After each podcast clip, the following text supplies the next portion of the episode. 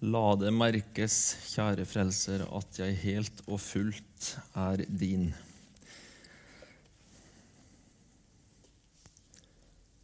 Det var fin strofe å slutte en sang med. Og det passa egentlig utrolig godt til det som jeg tenkte å dele i kveld. Eh, Torstein Baløp heter jeg. Nordmøringa, som det ble nevnt, fra ei bygd på Nordmøre som heter Aure utrolig privilegert og heldig å ha fått lov til å vokse opp der. I ja, jeg vil jo si landets fineste del. Vi er jo litt forsiktige vi nordmøringer med å si hvor fint og flott det egentlig er. For vi vil, vi vil helst at folk ikke skal vite det. Vi vil ha Nordmøre for oss sjøl. Men det er klart, for noen år tilbake, når Atlanterhavsveien ble åpna, og Eh, på somrene så er det noe som heter toppidrettsveka, så kom på en måte Nordmøre litt mer på kartet. Så nå er det flere som har fått se hvor fint det er. da. Jeg bor nå på Torvastad på Karmøy. Jeg er gift med Astrid. Så har vi tatt over en, en familieeiendom utpå der. Så jobber jeg i en liten stilling på Misjonshuset i Haugesund, og så er jeg litt i skole. På Norheim VGS og, eh, og litt på Danielsen på Karmøy. Så det er, det er veldig fint. Jeg tenkte på et uh, spørsmål til å begynne med, og det er hvorfor går vi på møte?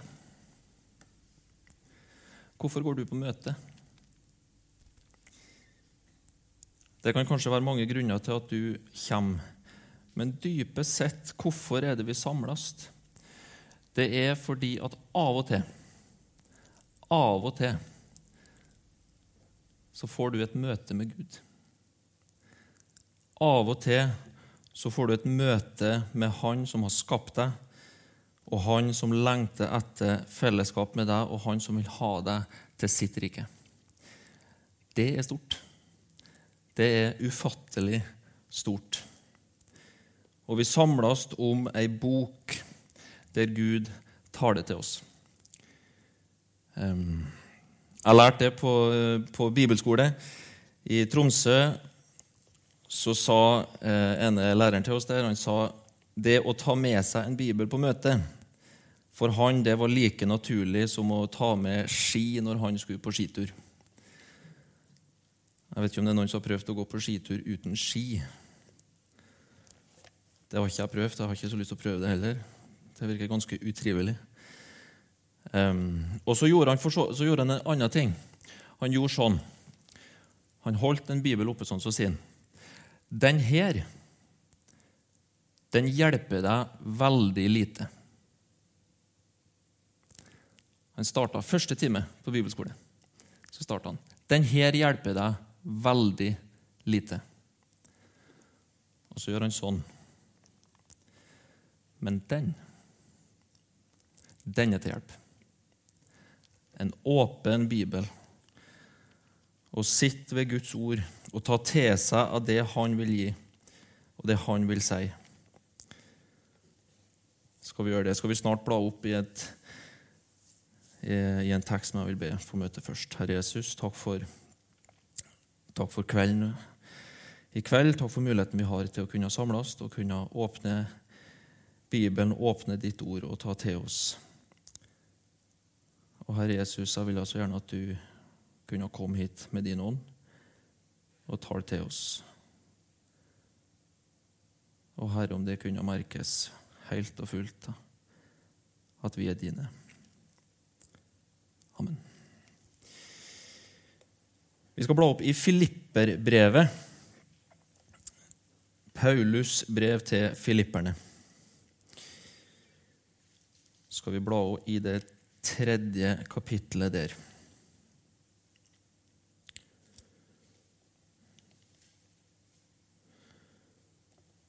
Filippebrevet kapittel 3, og så skal vi lese ifra vers 7. Der står det sånn i Jesu navn. Men det som var en vinning for meg, det har jeg for Kristi skyld aktet som tap. Ja, jeg akter i sannhet alt for tap, fordi kunnskapen om Kristus Jesus, min Herre, er så mye mer verd. For Hans skyld har jeg tapt alt. Jeg akter det for skrap, for at jeg kan vinne Kristus og bli funnet i ham. Ikke med min egen rettferdighet, den som er av loven, men med den jeg får ved troen på Kristus, rettferdigheten av Gud på grunn av troen. Så jeg kan få kjenne ham og kraften av hans oppstandelse og samfunnet med hans lidelser idet jeg blir gjort lik med ham i hans død.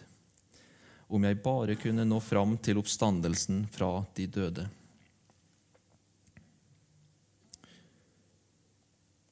Vi leser litt til. Ikke så at jeg alt har nådd dette, eller allerede er fullkommen, men jeg jager etter det for å kunne gripe det, fordi jeg selv er grepet av Kristus Jesus.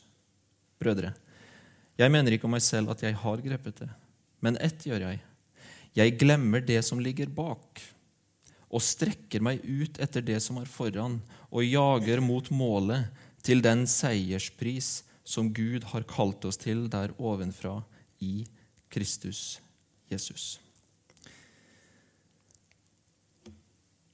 Her skriver Paulus om det som er kjernen for et troende menneske. Han skriver om det som er rett inn på kjernepunktet av hva kristen tro handler om. Det handler om å vinne Kristus og å bli funnet i Han. Det er det alt handler om. Det er det det handler om.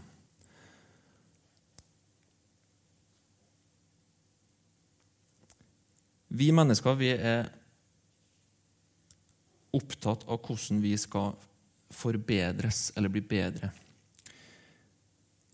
Um, det ligger, annen, det ligger, et eller annet i oss som sier til oss at vi må strekke oss for å være gode nok, for å ha fred, um, for å kunne oppnå noen ting.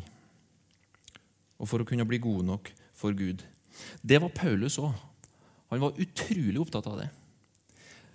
Paulus var fariseer. Um, og Jeg tror det er sagt ganske mye om fariseerne. Jeg tror det er sagt, En på en måte presenterte dem litt skjevt. At det var hyklere. Jesus sa jo det sjøl, at de var hyklere.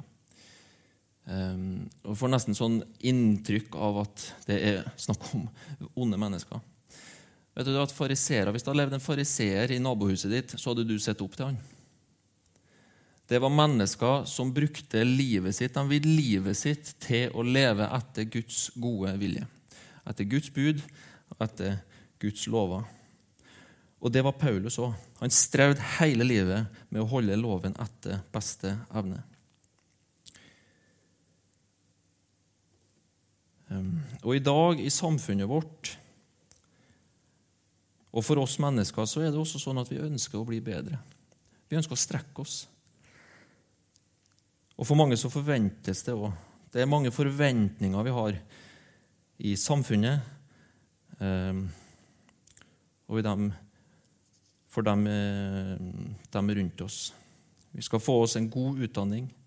Vi skal få oss et godt arbeid. Vi skal gjerne overprestere på jobb. Vi skal bidra aktivt i fritidsaktiviteter. Vi skal være fantastiske foreldre. Um, og så er det press på så mange mange ting, på mange plan på utseende, på hva du har, på helse og på fysisk form. Og så Når du leser aviser, og så, videre, så er det oppskrift på det ene etter det andre om hvordan kan du oppnå dette målet ditt, denne drømmen din. Og På det religiøse plan så, legges, så legges det også mange forventninger. Da skal du være god og kjærlig, og du skal være tolerant overfor alle mulige livssyn.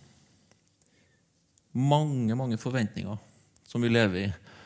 Og så På den andre sida er det òg si, en veldig sånn positivisme.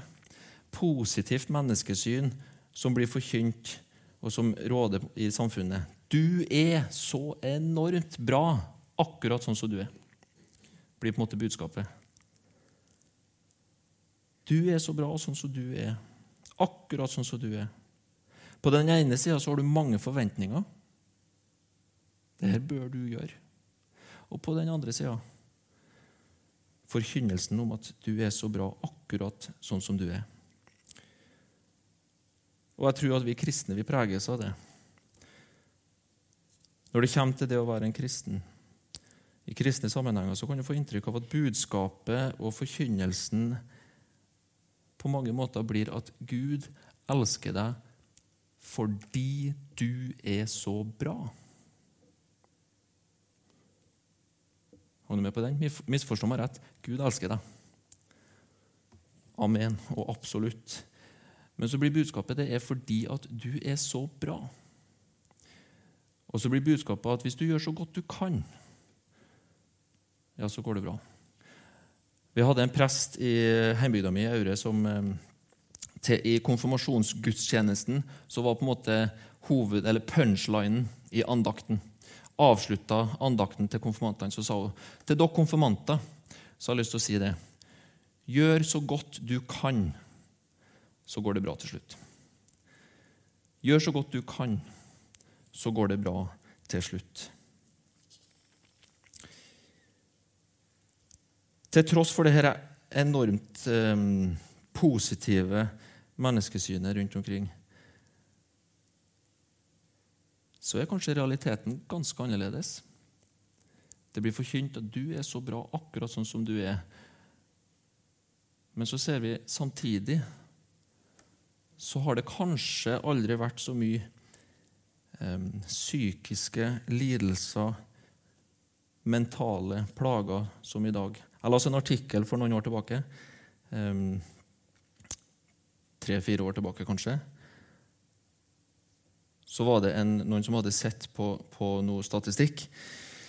Der sto det sånn Andelen jenter mellom 15 og 20 år som får diagnostisert en psykisk lidelse, har økt med rundt 40% på fem år. Det var bare noen år tilbake. Og så kom korona i ettertid. Jeg vet ikke om den har hjulpet på. Angst, depresjon Det er mange som har det enormt vanskelig med veldig mye forskjellig. En har det vondt, en har det vanskelig. Så har du på en måte noen ting som forkynner at du er så bra.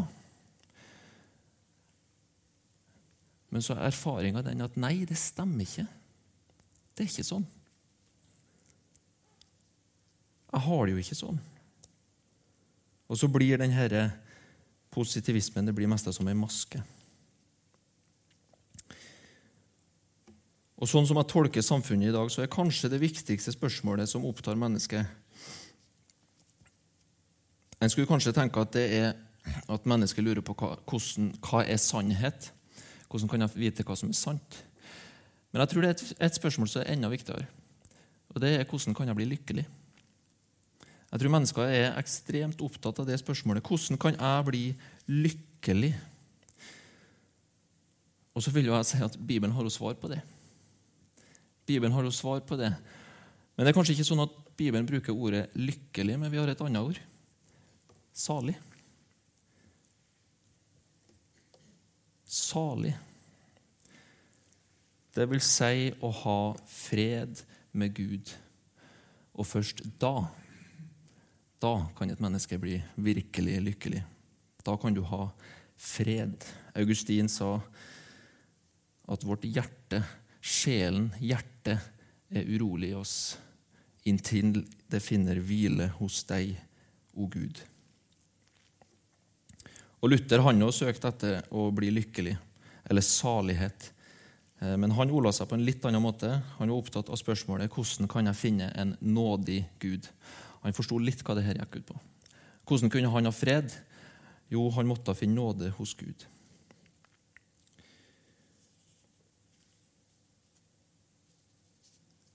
Mennesket søker etter å bli lykkelig. Og så har du et samfunn som forkynner til deg at du er så bra, og på den måten skal nesten pålegge deg, bestemme over deg, at du skal være lykkelig fordi du er så bra. Og så er erfaringa helt annerledes. Det er jo ikke sånn. Bibelen har et ganske annerledes budskap om hvordan vi er. Bibelen sier ikke at vi i oss sjøl er så bra. Den sier ganske annerledes. Den sier faktisk at ingen er bra. Ingen er god nok. Ingen er rettferdig. Ingen søker Gud, leser vi i Romerbrevet kapittel 3. Men Bibelen sier at mennesket er syndig, og vi trenger frelse. Vi trenger vekkelse, vi trenger omvendelse, og vi trenger frelse. Jeg tenker på det ordet vekkelse. Det å bli vekt opp. Gud vekker noen ting. Og Da er det ikke snakk om bare søvn og søvn og til våken tilstand. Men Gud, Bibelen beskriver det at det er å vekke ifra død til liv. Det er litt annet. Og et aspekt med vekkelsen det er når samvittigheten din våkner. Når Gud kommer inn til deg, inn i ditt hjerte, og så spør hvor er du? Hvor er du i forhold til meg? Hvor er du? Det er samme spørsmål som han spurte Adam rett etter fallet. Hvor er du? Vekkelse det skjer når du får med Gud å gjøre, og når du blir avslørt. Og så har jeg lyst til å si det Når du blir avslørt, så er det forferdelig vondt. Men så skal du vite hvorfor gjør Gud det? Hvorfor gjør Gud det? Jo, han gjør det for å redde deg. Han avslører deg, for han har lyst til å sende deg til Jesus. Han vil vende deg vekk ifra deg sjøl, vekk ifra ditt eget liv, og mot Jesus. I våre sammenhenger og i våre kristne sammenhenger så kan det, kan det nesten oppfattes sånn at det å være en kristen, det betyr Det er å være med i ulike sammenhenger. På leir, på lag, ulike lag, barnelag, bibelgruppe, forsamlinger, bedehus, jeg vet ikke hva. Ehm, at en er engasjert i kristne arrangement, en gir til misjon osv. Her stilles det ganske mange forventninger. Og For mange så tror jeg at det er nettopp det som er å være en kristen. Hvis en skal svare på spørsmålet hvorfor kan jeg si at jeg er en kristen, så er det kanskje noen som vil tenke ja, ja, jeg lever jo sånn som disse kristne som jeg ser opp til. Jeg lever jo akkurat likedan. Det blir å leve et spesielt liv å leve blant noen spesielle mennesker og i noen ulike sammenhenger. Og hvis jeg lever sånn og sånn, ja, så kan jeg kanskje begynne å stole på at jeg er en kristen. Hva var det vi las i teksten? Fikk du med det? Hva var det som var viktig for Paulus? Denne fariseeren, han som har levd hele livet etter å følge Guds bud. Hva var det som var viktig for han? Var det å leve sånn og sånn? å være anerkjent i den og den sammenhengen. Nei, det var å vinne Kristus og bli funnet i ham. Ikke med min egen rettferdighet, så sto det litt senere, men den jeg får ved troen på Kristus. Det kristne livet som du tror at du må leve for å kunne kalle deg en kristen, det her religiøse kristenlivet, det er ikke det som gjør deg til en kristen.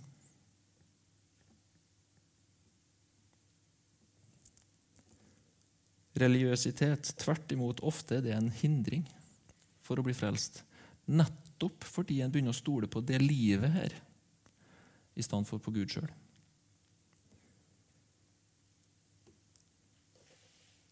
Det er ikke kristenlivet som gjør oss til en kristen. Det er ikke det jeg skal til himmelen på. Et menneske blir ikke Jeg husker jeg hørte en, en en, sammenligning var en forkynner som sa et menneske blir ikke en kristen ved å oppføre seg som en kristen. Like lite som en ape blir et menneske ved å oppføre seg som et menneske. Jeg vet ikke om du har hørt den. Jeg syns den var veldig, veldig treffende. Og husk det, Kristendom det handler ikke først og fremst om hva du skal gjøre for Gud, men det handler om hva Gud har gjort for deg. Og så har jeg lyst til å si det hvis du tenker at jeg må leve sånn og sånn og sånn og sånn for å være god nok for Herren, for å kunne bli rettferdig, for å kunne ha et håp om himmelen, da er det én ting å si til deg. Hvis du ikke har fått med noe annet ifra, ifra i kveld, så er det én ting å si til deg nå. Hvis du tror at du må leve sånn og sånn for å komme til himmelen, så vil jeg si du er for seint ut. Du er for seint ut. For det livet, det er allerede levd. Det er allerede levd lenge før deg, og det er levd for deg. Jesus levde fullkomment. Han levde perfekt, og han ønsker å bytte plass med deg. Og Jesus sa det siste han sa før han døde på korset, så sa han tre veldig, veldig store ord. Han sa det er fullbrakt. Det er ferdig. Og vet du, Da skal du tenke så enkelt og så barnslig at siden Jesus sier det, ja, da skal du få lov til å stole på det.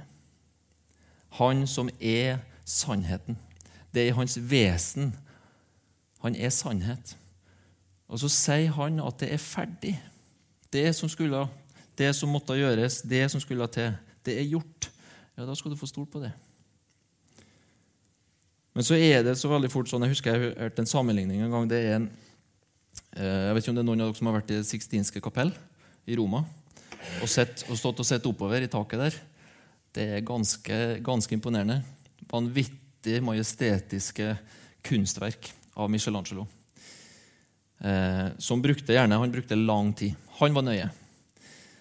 Han kunne gjerne jeg vet ikke, ja, bruke uker på bare små detaljer. Helt til én dag så sier han seg fornøyd, og så sier han nå. Nå er det perfekt. Nå er det akkurat sånn som han ville ha det. Og så blir det, det blir på en måte sånn den som hva jeg skulle si, Når Jesus har sagt at det er ferdig, og så skal vi legge til noe så sa han, ja, Det er akkurat som om du skulle ha gått i Det sistinske kapell og så hadde du tatt med deg en sprittusj. Og så du klatra opp i taket så du tenkt du vil hjelpe på litt, du òg. Og så hadde du begynt å tegne en strekmann eller et eller annet. Og så ser du at det var jo ikke det du skulle. Nei, du skulle få stole på at det var ferdig. Hva var det Paulus skrev til å begynne med? Han skrev det som var en vinning. Det som en gang betydde noe for han, livet hans. Det å følge Guds bud. Det har jeg for Kristi skyld aktet som tap. Og så han sier han akter det som skrap. Og vi kunne like så godt sagt søppel, egentlig. For å si det på godt norsk. Livet hans, hans prestasjoner, det var egentlig bare som søppel. Det betydde ingenting bare han kunne bli funnet i ham. I ham. Du skal vite, du som tror på Jesus Bibelen bruker et lite uttrykk på den som er en kristen. Hvem er det? Jo, det er den som er i Kristus. I Kristus. Det står ganske mange i Nytestamentet. I Kristus. Og det skal du tolke helt bokstavelig. Det å være en kristen, det, da, Er jeg en kristen? Ja, da er jeg i Han. Jeg er skjult i Han. Jeg er gjemt i Han. Og det vil si at når du leser om Jesus, når du hører om Han, når du ser hva Han har gjort, og når du ser Hans hellighet, Hans renhet, Hans fullkommenhet, Hans godhet, da skal du vite at det du ser da, det er det samme som Gud ser når han skal se på deg. Hvorfor da? Jo, du er jo skjult i Kristus, du òg. Da er det jo det Gud ser, da. Da ser han ikke deg med dine feil, med ditt liv. Han ser Jesus. Det er ikke smått. Det er ikke småtteri, det her. Og alt det her får du for ingenting. Kun for Jesus skyld. Kun for det han har gjort. Ikke meg. Ikke mitt liv men han. Jeg skal ikke jeg bidra med noen ting, da? Kan ikke jeg bidra med noe? Nei. Nei, det skal du ikke. Ja, men hva med tro? Må jeg ikke tro? Jo, det er for så vidt sant. Men hva er tro for noe? Tro, det er tillit.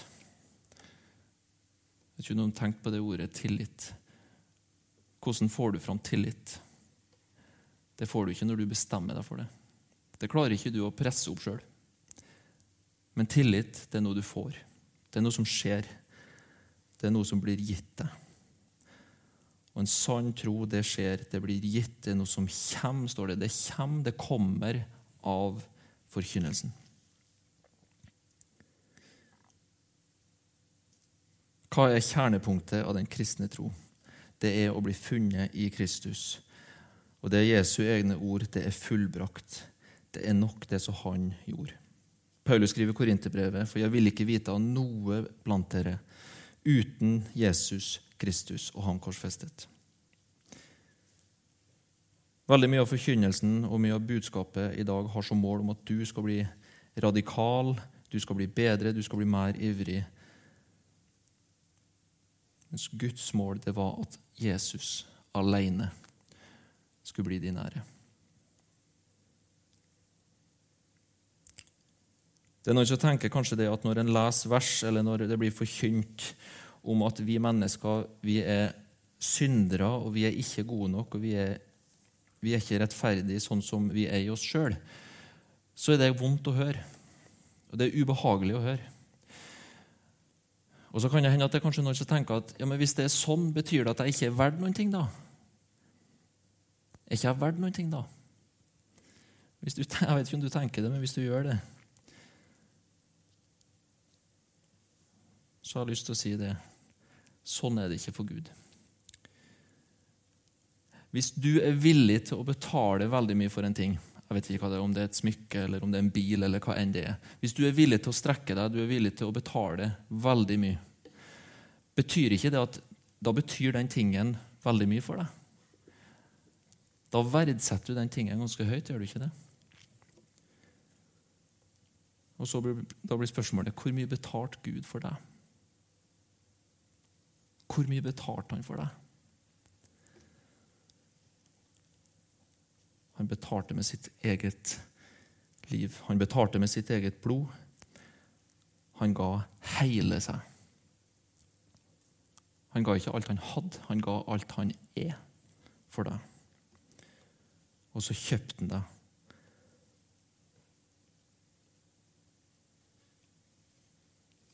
Og husk det. Du er kjøpt. Jesus har betalt for deg. Du er kjøpt. Og Det betyr at Jesus har også eieransvar for deg. Det er ganske stort å tenke på. Du er kjøpt. Da er det Jesus som har ansvar for deg. Han har betalt for deg, og så er du hans eiendom. Og så skal vi stå for Gud som hellig, som ren, rettferdig. For det er ikke mitt liv jeg skal stå framfor Gud med men det er Jesus sitt liv. Jeg har lyst til å avslutte et, eh, med et lite sitat. Jeg siterer det ofte, ofte, når jeg tar det. Det kommer jeg sikkert til å fortsette med. Um, Rosenius sier kanskje en av de som har hatt størst betydning for skandinavisk kristenhet. En vanvittig betydningsfull mann, stor mann. Han sier det. Jeg ville så inderlig gjerne at mitt kristenliv skulle være fullkomment, og jeg har bedt Gud mer om dette enn om noe annet. Men gjelder det min salighet? Altså igjen det her å ha fred med Gud. Gjelder det min salighet? Da sier jeg så, jeg vil ikke ha noen annen rettferdighet enn min Herre Jesu Kristi rettferdighet. Og så hør nå. Holder ikke min kristendom prøven, så holder min Herre Kristus. Holder ikke min kristendom prøven? Underforstått det gjør den ikke. Men Kristus selv. Herre, det vil vi gjerne takke deg for.